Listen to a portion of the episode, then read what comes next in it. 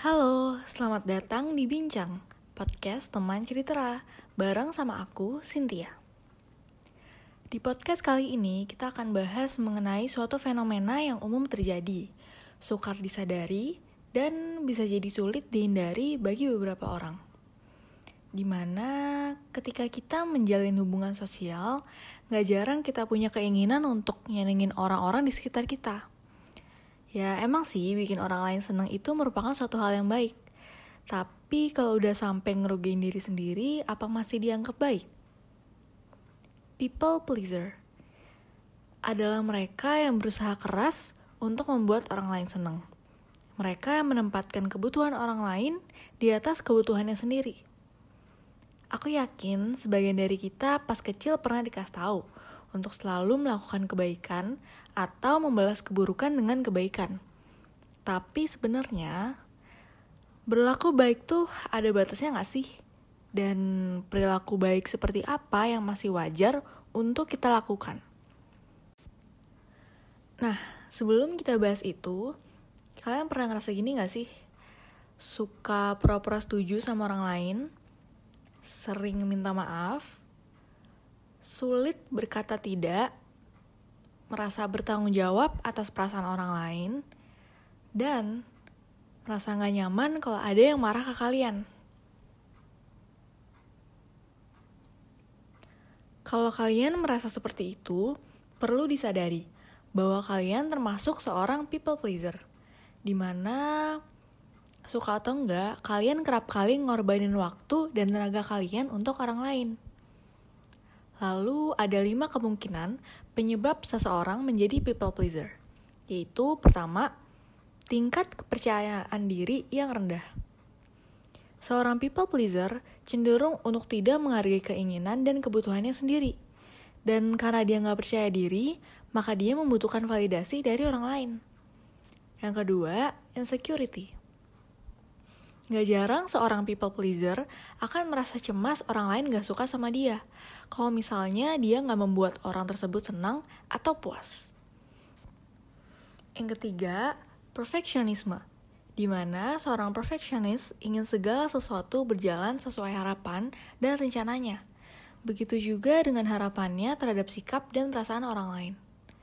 Yang keempat, masa lalu. Kejadian menyakitkan, sulit, dan traumatis juga memiliki peran yang penting. Karena hal tersebut dapat mendorong seseorang untuk selalu setuju dengan orang lain agar terhindar dari masalah. Yang kelima, genetik. Ada beberapa kepribadian yang diwariskan dari gen orang tua yang dapat membuat seseorang menjadi people pleaser. Namun, hal tersebut dapat berubah seiring berjalannya waktu. Menjadi seorang people pleaser tentunya sangat melelahkan, bisa jadi menguras tenaga, pikiran, dan emosi kalian.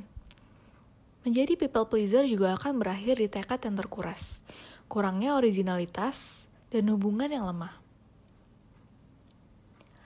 Oleh sebab itu, ketika kita telah menyadari bahwa kita termasuk seorang people pleaser atau ada teman yang mencirikan people pleaser, kita perlu untuk mengatasinya.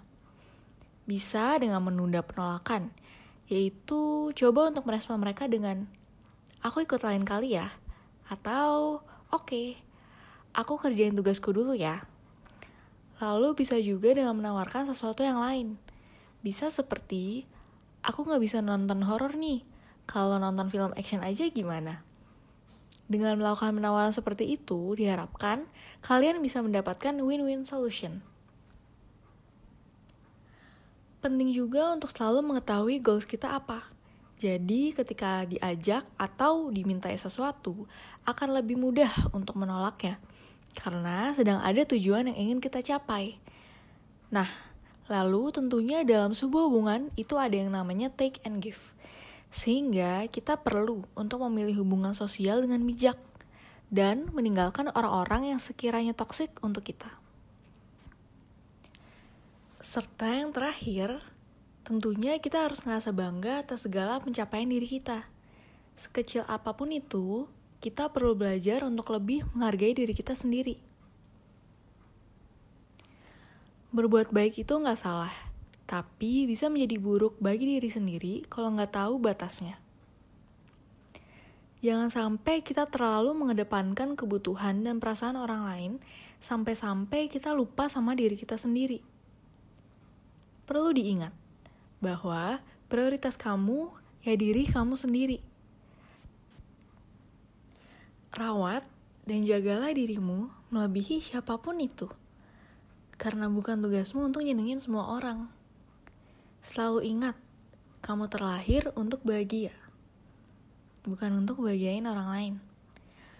Prioritasin dirimu dan jangan lupa bahagia ya.